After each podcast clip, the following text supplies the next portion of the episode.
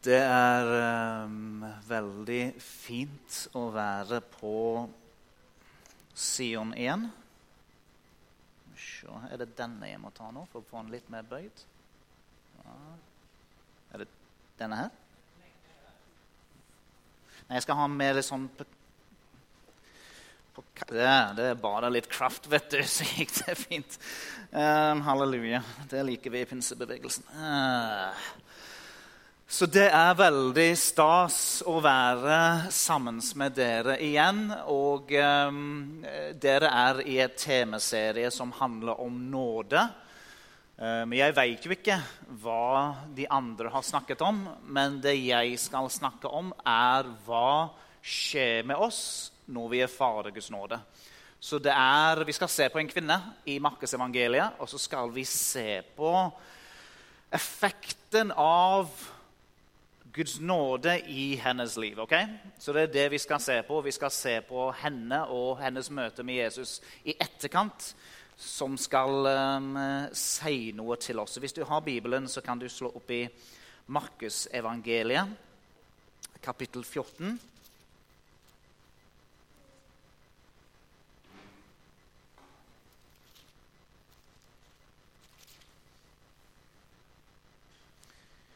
Og så skal vi lese fra vers 1 til og med vers 9.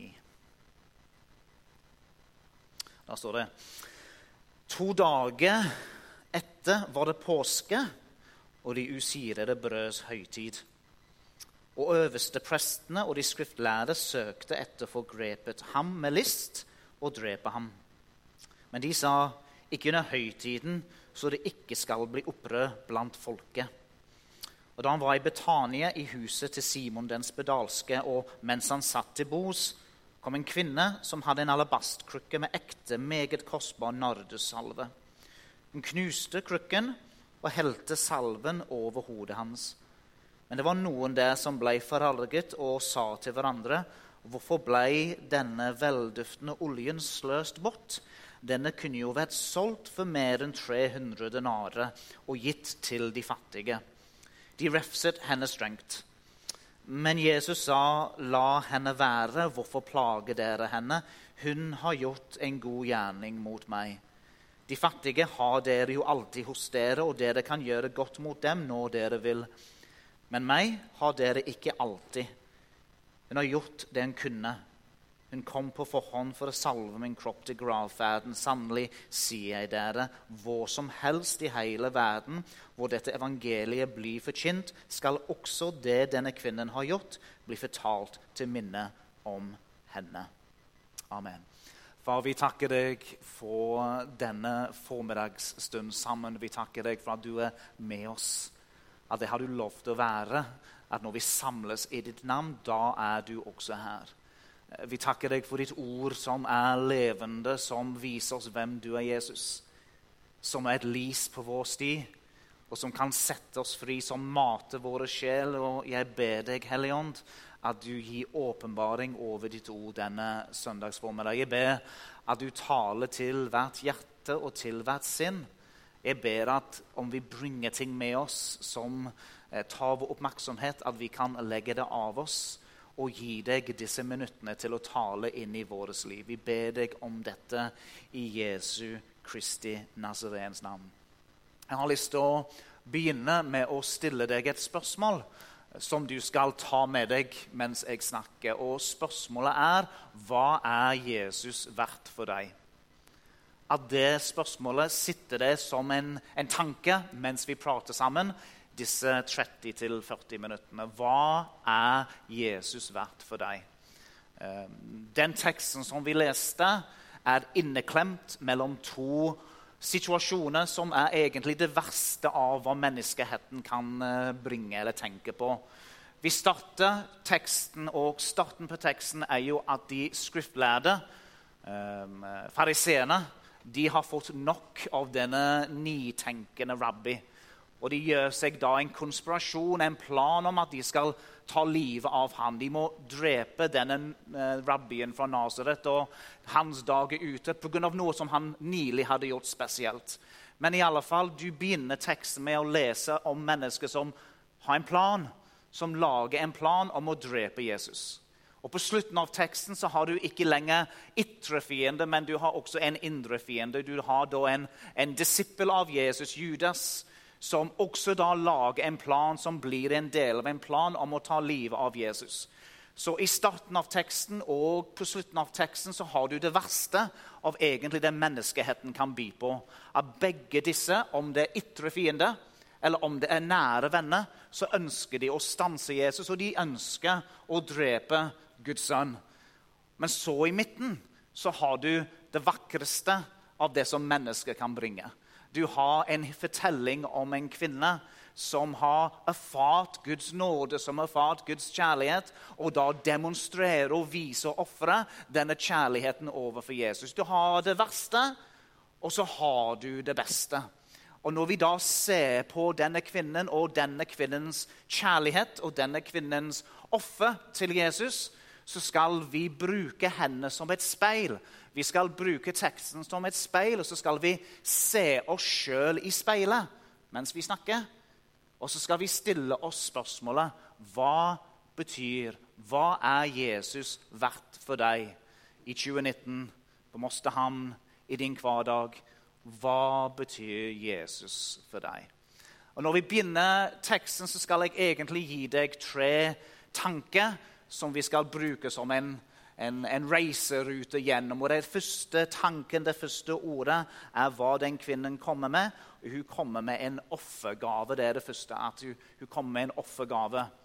Når vi leser teksten, så for det første så finner vi ut hvor Jesus er. Bibelen forteller oss at han er i Betania. Og Om du har lest evangeliet, så vet du at det skjedde en god del ting i Betania. Men antageligvis så var Betania et av Jesus sine favorittsteder. Ikke rent sånt åndelig sett, men i forhold til det å kunne slappe av. I forhold til det å trenge seg tilbake. fordi at på den tiden og på den teksten som vi leser, så er det høytiden i Jerusalem og i Israel. da. Det er Pesach, det er påske. Så da har det kommet pilegrimer fra hele landet til Jerusalem for å feire. Det er massivt. Det er pulserende, det er bråk, det er lyd. Og ofte når det er litt for mye bråk og det er litt for mye liv, så liker Jesus å trekke seg tilbake. Og Iblant så vil han trekke seg tilbake på Oljeberget, men også så vil han trekke seg tilbake til stedet som heter Betania. Og Da sier jo teksten at han er i Simon den spedalskes hus. Og Det er litt interessant å bare tenke på det.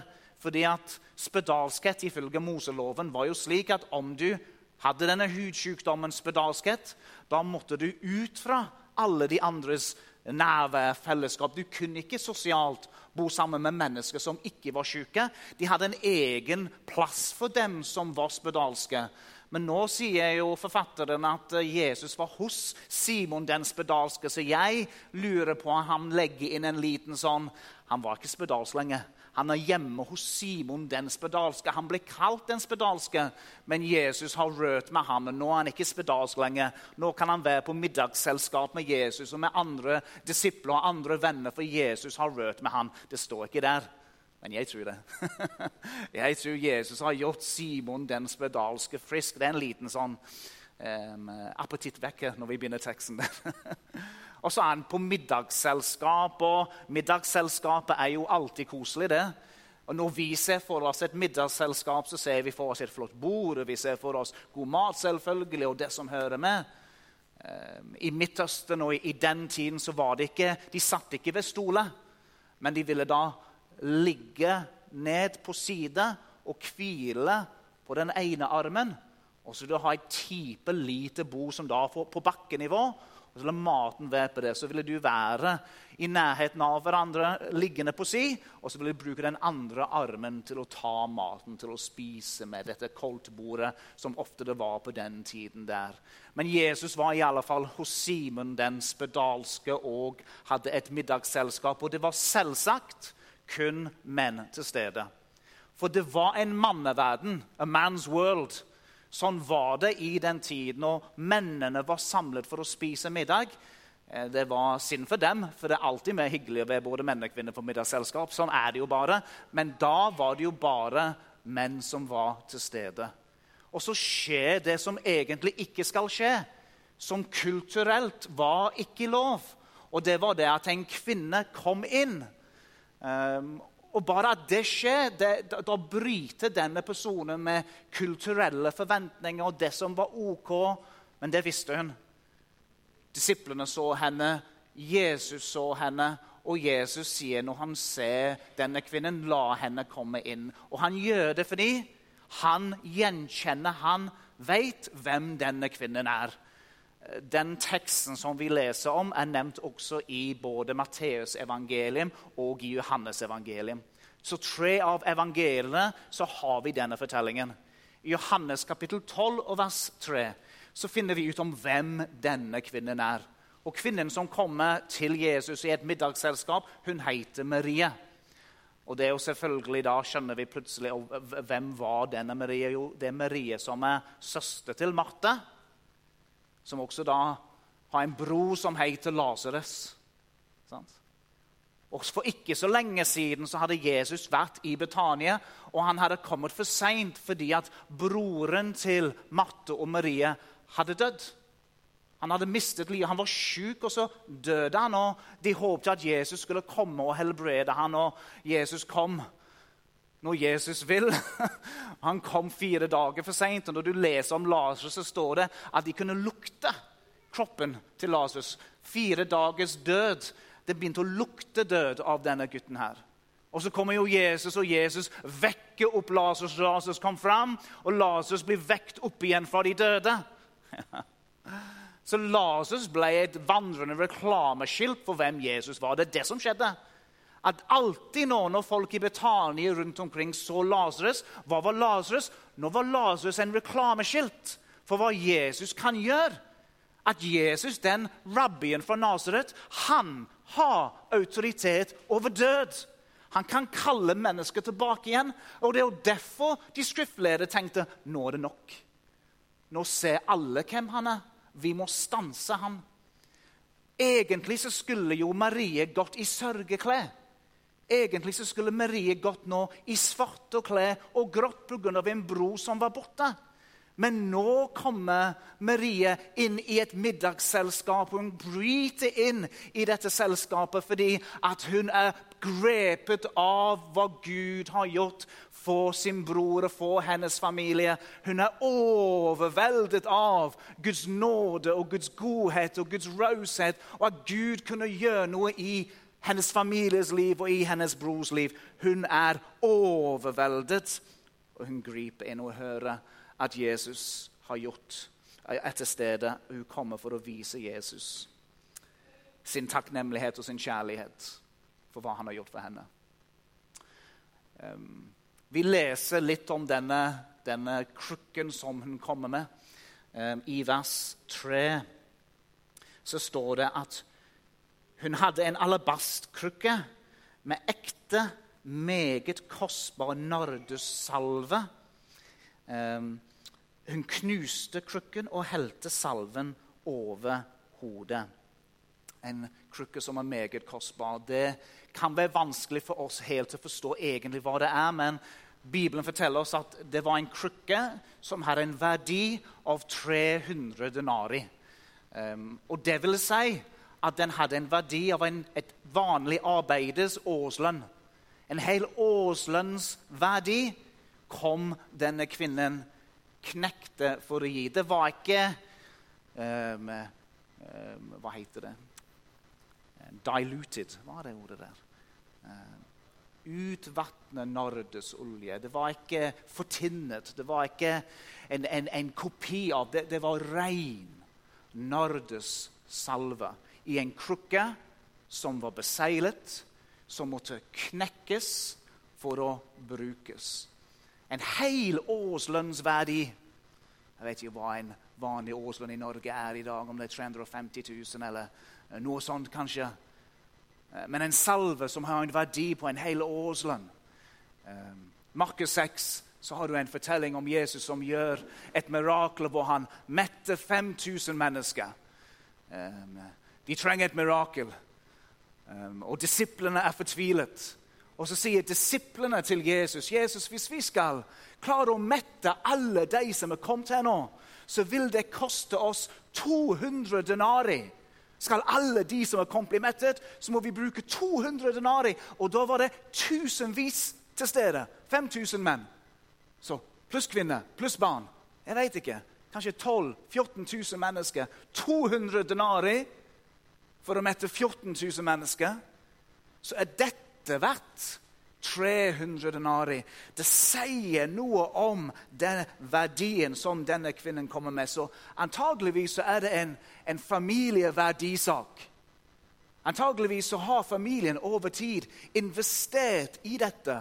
Og den skal bevares til om det, om det kommer en krise eller kommer det en situasjon hvor, hvor, hvor de er økonomisk slit eller vanskelig. Den skal ikke røres ved.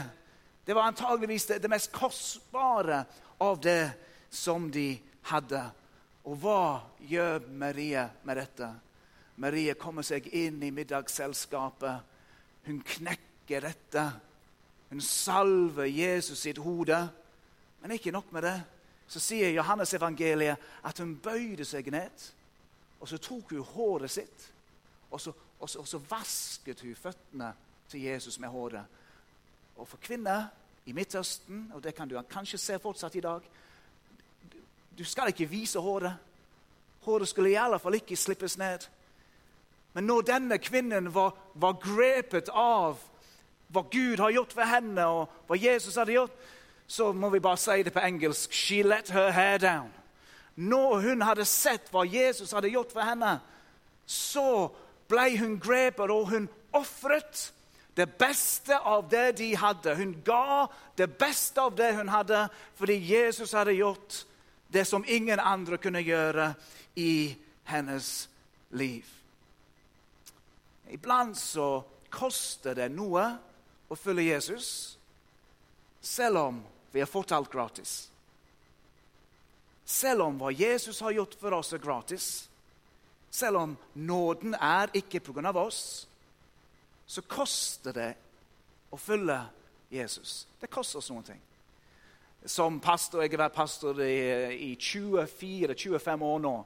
Ganske lenge. Og ganske tidlig så skjønte jeg at jeg kommer til å bli en vaktmester. Um, kanskje ikke en vaktmester som det var i gamle kirkene, hvor når du var pastor eller prest, så skulle du bytte lys og skifte gulv og dør og gjøre det aller meste av en vaktmester skulle gjøre. Men i Peters brev så står det at som pastor så uh, skal du våke over sjelene til de som tilhører menigheten. Men så skjønte jeg at noe av jobben min kommer ikke til å bare være å våke over sjeler, men det kommer også til å være å våke over ord.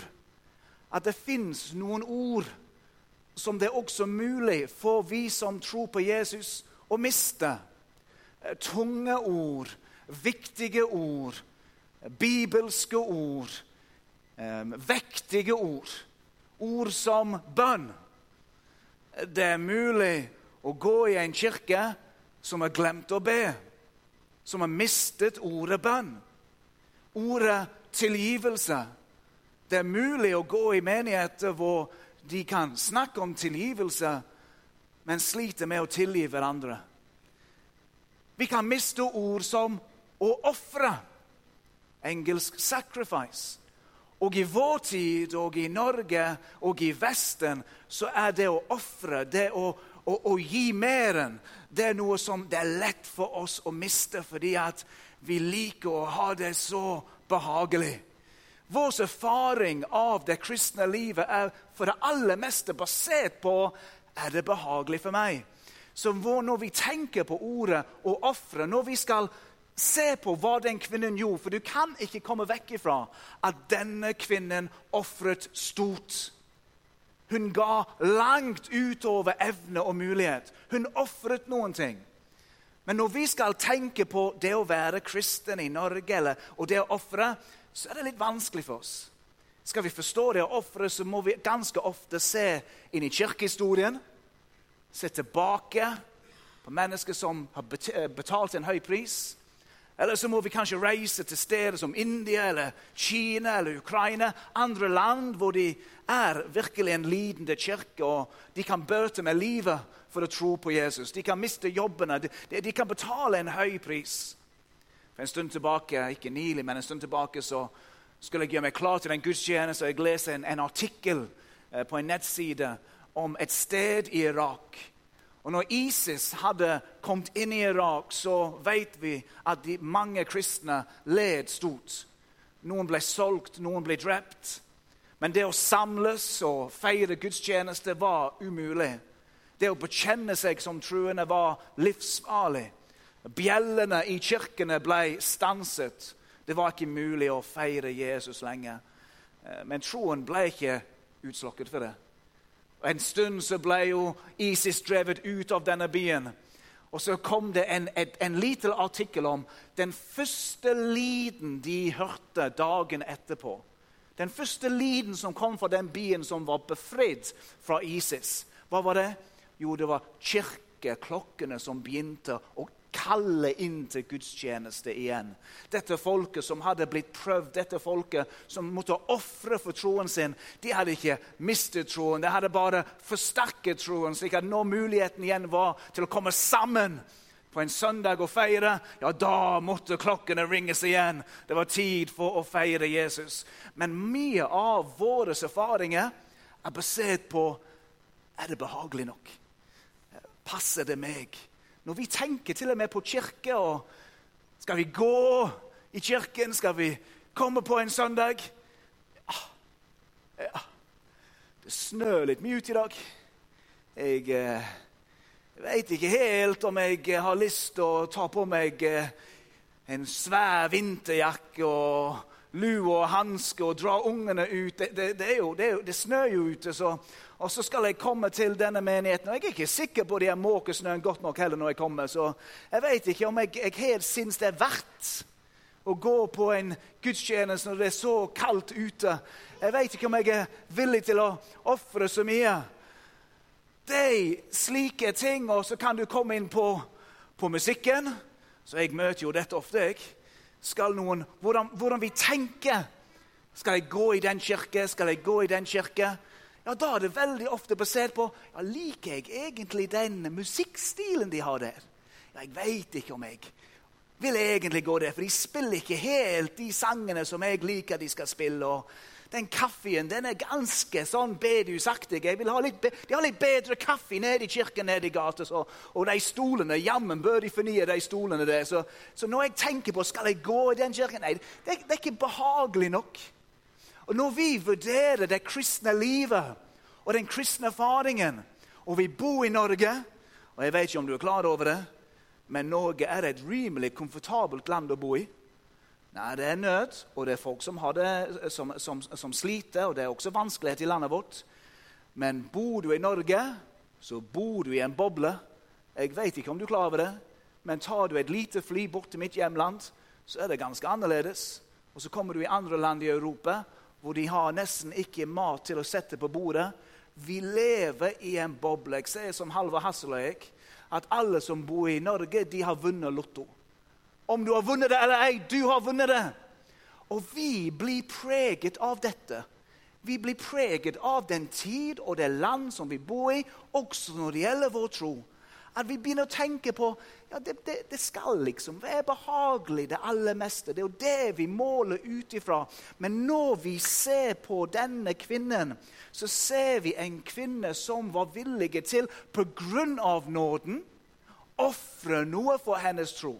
At det var en verdi for henne å ofre pga. det Jesus har gjort for henne. Så ut ifra hva har Jesus gjort for deg? Har Jesus tilgitt deg? Har Jesus gitt deg en ny start? Er han den himmelske Faren som har båret deg når du ikke kunne springe? Hva har Jesus gjort for deg? Og pga. det han har gjort for deg, han våket over deg, han hørt dine bønner, han helbredet deg, han reddet dine barn, han gitt deg en jobb, han gitt deg helse, han beskyttet deg, han åpnet dører for deg, han stengt dører for deg? Pga. det som Jesus har gjort for deg, er du villig til å ofre for ham. Pga. hva Jesus har gjort. I 2. Samos bok, kapittel 24, vers 24, så har du en fortelling som det er lett å gå forbi. Men det er en fortelling om eh, kong David. Og kong David som eh, opplever at landet sitt opplever en plage. Så han ønsker å ofre noe ofre dyr, som de gjorde i Det gamle testamentet, og be til sin Gud, at Gud skal ta vekk plagen over sitt land. Han er ikke hjemme, han er ute på landet, så han går til en person, en, en, en random, en, en, hvem som helst, og banker på døra. Han sier, 'Hei, du, kan jeg, kan jeg få bruke litt av landet ditt?' 'Kan jeg få kjøpe noen dyr, så jeg kan ofre til min Gud?' Og Så sier mannen som tar imot kong David, sier, du, du er jo kongen min, du. Det, du, du. du, kan få det landet du vil ha, og du kan få dyr, og du kan ofre. Du trenger du trenger ikke betale meg noen ting. Og så sier kong David, 'Jeg kan ikke gi et offer til min Gud som ikke koster meg noen ting.' Det sier David. Jeg kan ikke ofre til min Gud hvis ikke det koster meg noen ting. Hvis ikke jeg viser at det er verdt noen ting, det jeg gir til min Gud. Er du villig til å knuse et alabasterkrukke for Jesus? Er du villig til å tømme det over hans hode bruke ditt hår til å tørke hans føtter? Hva er Jesus verdt for deg? Eh, det andre punktet er urettferdig kritikk. Eh, hun gjør jo denne skandaløse, sjenerøse, rause handlingen hvor hun knuser denne nardesalven, og de som ser på, de blir opprørt. De. de som er rundt i, i, i teksten vår, så står det 'noen så på'. I Johannes så står det 'disiplene så på'. Vi vet jo også at Judas var der, og Judas så på. Og Når Judas ser på, så ser jo Judas ikke på med en øyne av Jesus er verdt det. Men Jesus, Judas ser på dette med 'jeg mister noen inntekter her'. Når Judas ser på dette, så er jo Judas vant med å tenke én for Jesus, én for meg. Én til Jesus, én til meg. Han er vant med å stjele fra kassen. Han er vant med å tenke på sitt eget rike. Men når disse ser hva hun gjør, så sier de om dette at dette er sløsing. Hvorfor sløser du dette? Hvorfor kaster du dette vekk? De ser hennes tilbedelse, og de kaller hennes tilbedelse for å sløse. Og Hør nå. Om du tror på Jesus, og du ofrer Du ofrer av din tid, du ofrer av dine helger, du ofrer av din økonomi, du ofrer av ditt energi. Du bruker av ditt liv. Og jeg vil tro at mange av dere bruker ganske mye av deres tid i disse fire vegger. For dere ønsker å bygge noen ting som betyr noe for Mosterhamn og for området her. Men verden, når verden ser på deg, altså de som ikke tror, utenfor Når verden ser på deg og ser hvordan du bruker din tid, hva du gjør for Jesus, så vil de si til deg dette er bortkastet. Hvordan kan du i all verden bruke så mange helger i en menighet når du kunne vært på fjellet? Du har jo ei hytte. Glem det, menighetsopplegget. Det, det er greit, det, altså. Men fjellet det, det, er jo det som er livet. Du ikke aner ikke hvor gøy vi har det. Gir du penger til menigheten? Snakker om tiden? Gir du penger? Du må jo bruke penger på deg sjøl. Du må investere hos deg. Når mennesker som ikke tror, ser på det du gjør, så vil de si til deg at det, det er sløsing, det er bortkastet, det er ikke verdt noen ting.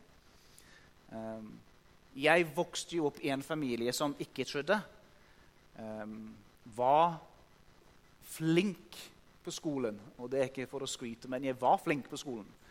Og da sier, uh, så var det slik at jeg kom til tro. Og etter at jeg kom til tro, så endret retningen i mitt liv.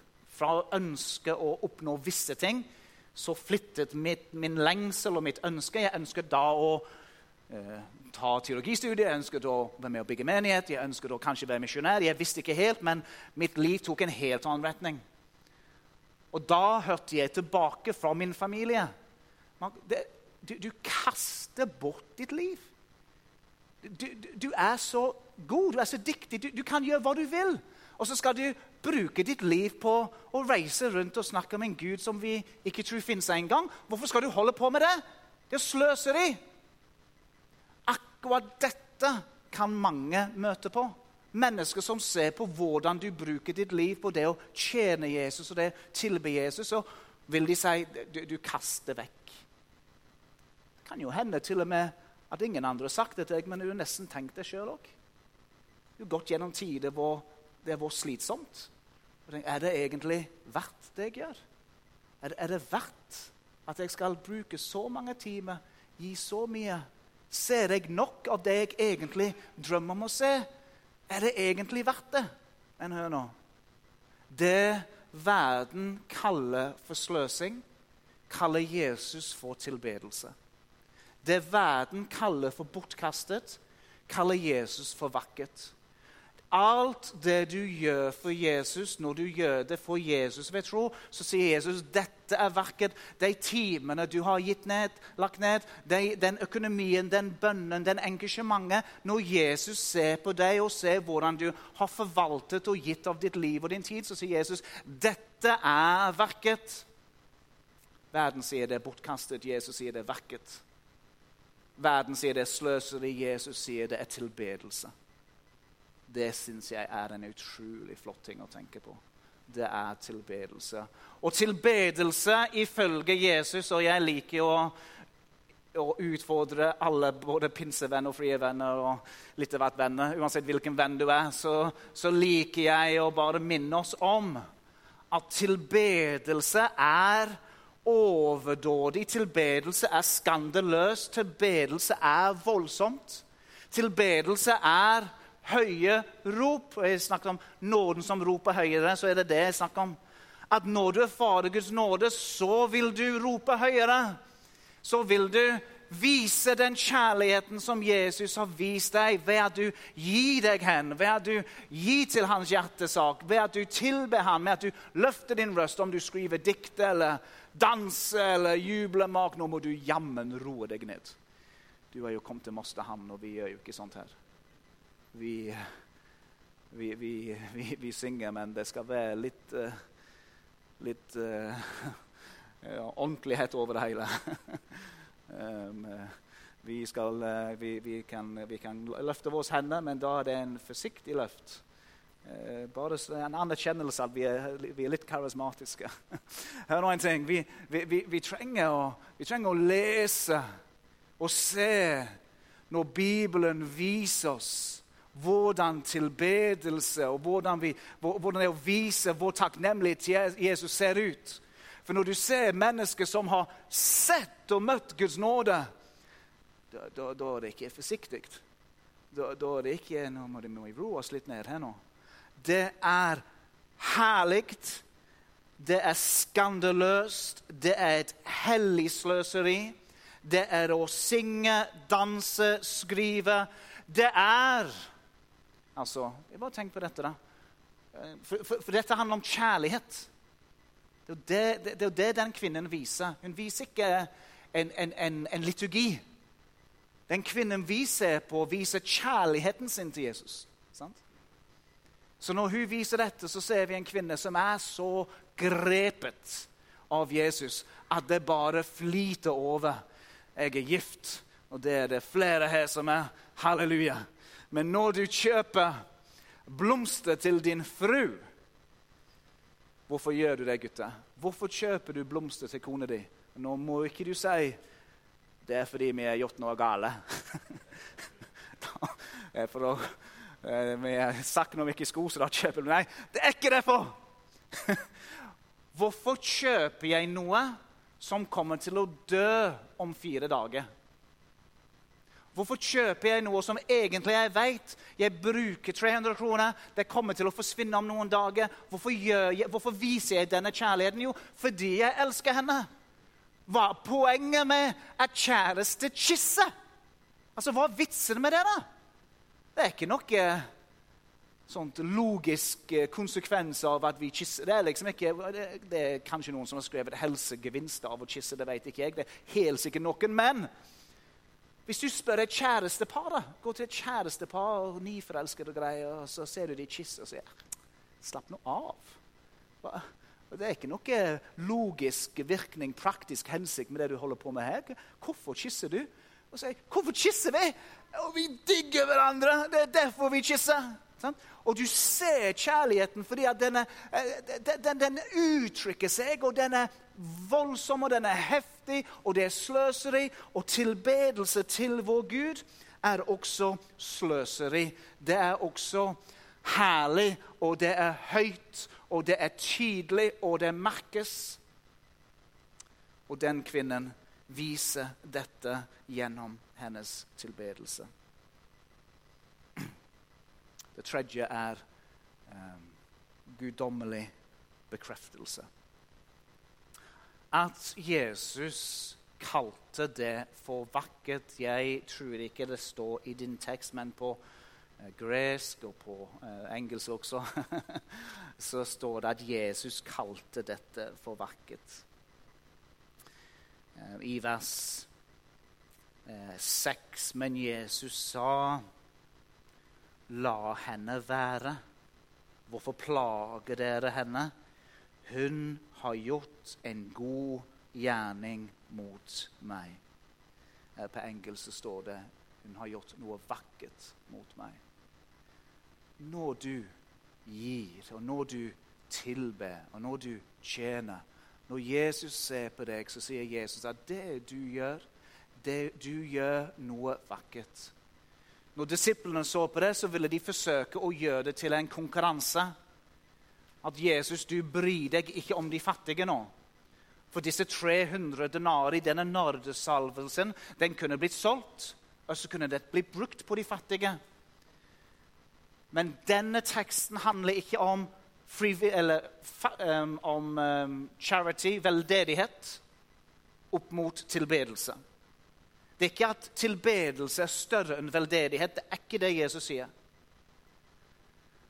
Vi vet at Gud vil ikke at noen skal bli fattig.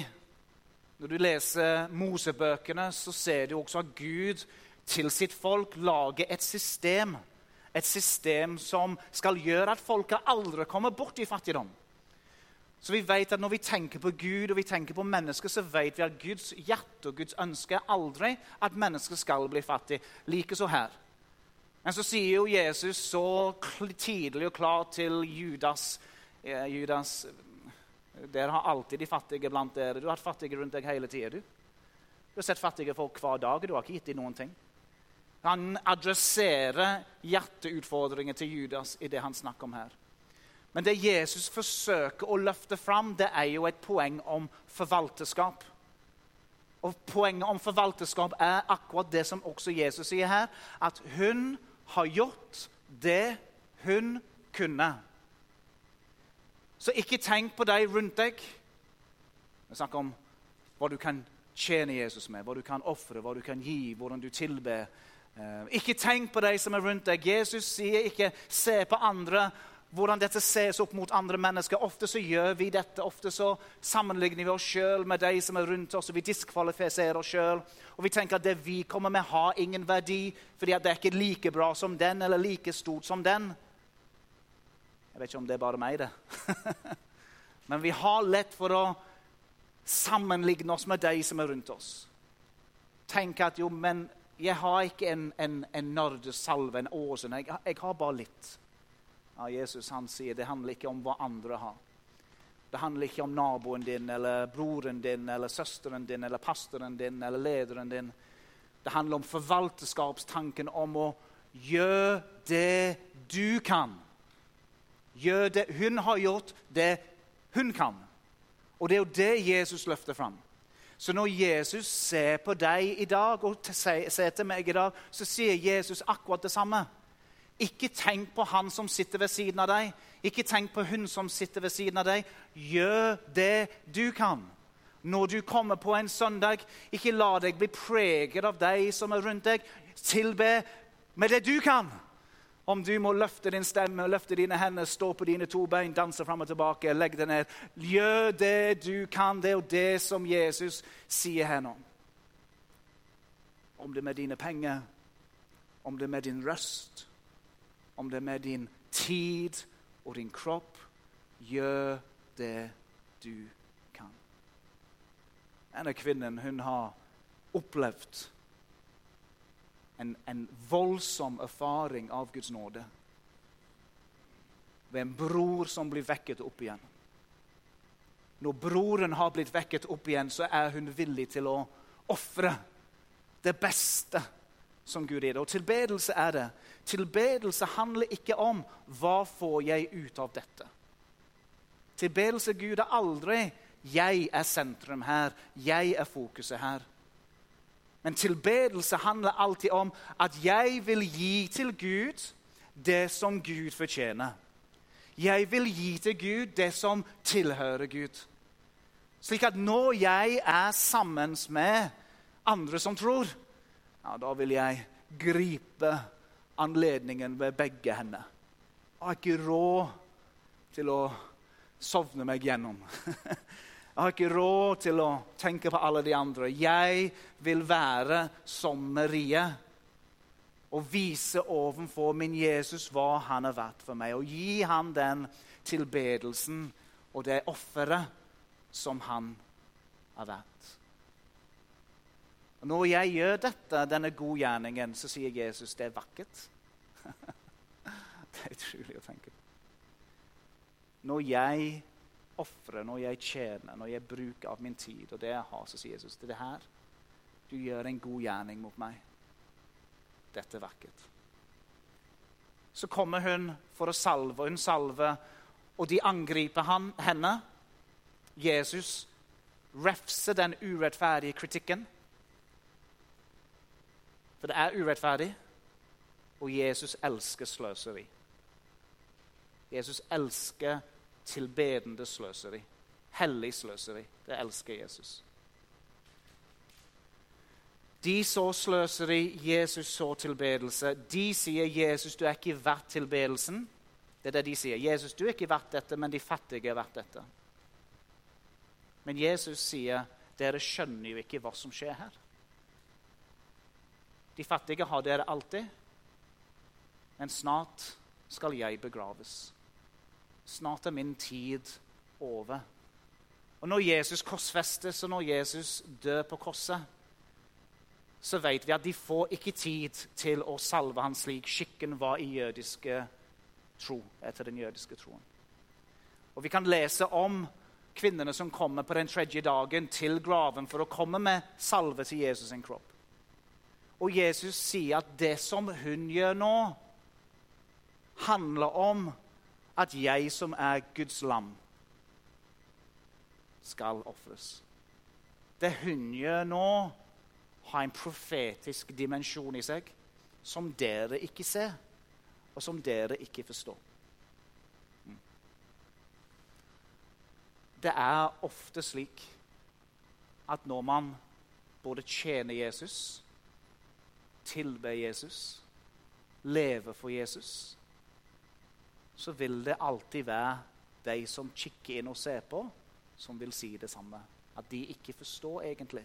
De ser jo ikke det profetiske med det du gjør, og hvorfor du lever slik du gjør. Men det er pga. det samme som denne kvinnen gjorde. For du har møtt Guds nåde, og du har sett Guds lam. Du har sett hvem Jesus er. Og når du ser hvem Jesus er, så er du villig til å ofre alt det du har. For til og med når du ofrer alt det du har, for er det fortsatt smule i forhold til det han har gjort for deg. Ja. Når du ofrer. Og det jeg håper at når jeg, når jeg, har sett denne kvinnen, så håper jeg at den kvinnen utfordrer min gjerrighet. Utfordrer min tilbakeholdenhet utfordrer min kontroll. For jeg er mann, og jeg vil ofte ha kontroll. Passe på. Beskytte litt. Men når jeg ser på henne, så ser jeg en kvinne som ja, blåser meg vekk når det gjelder raushet, sjenerøsitet tilbedelse og gi det beste hun har. Fordi Jesus er verdt det. Han fortjener det. Du har sett Guds land.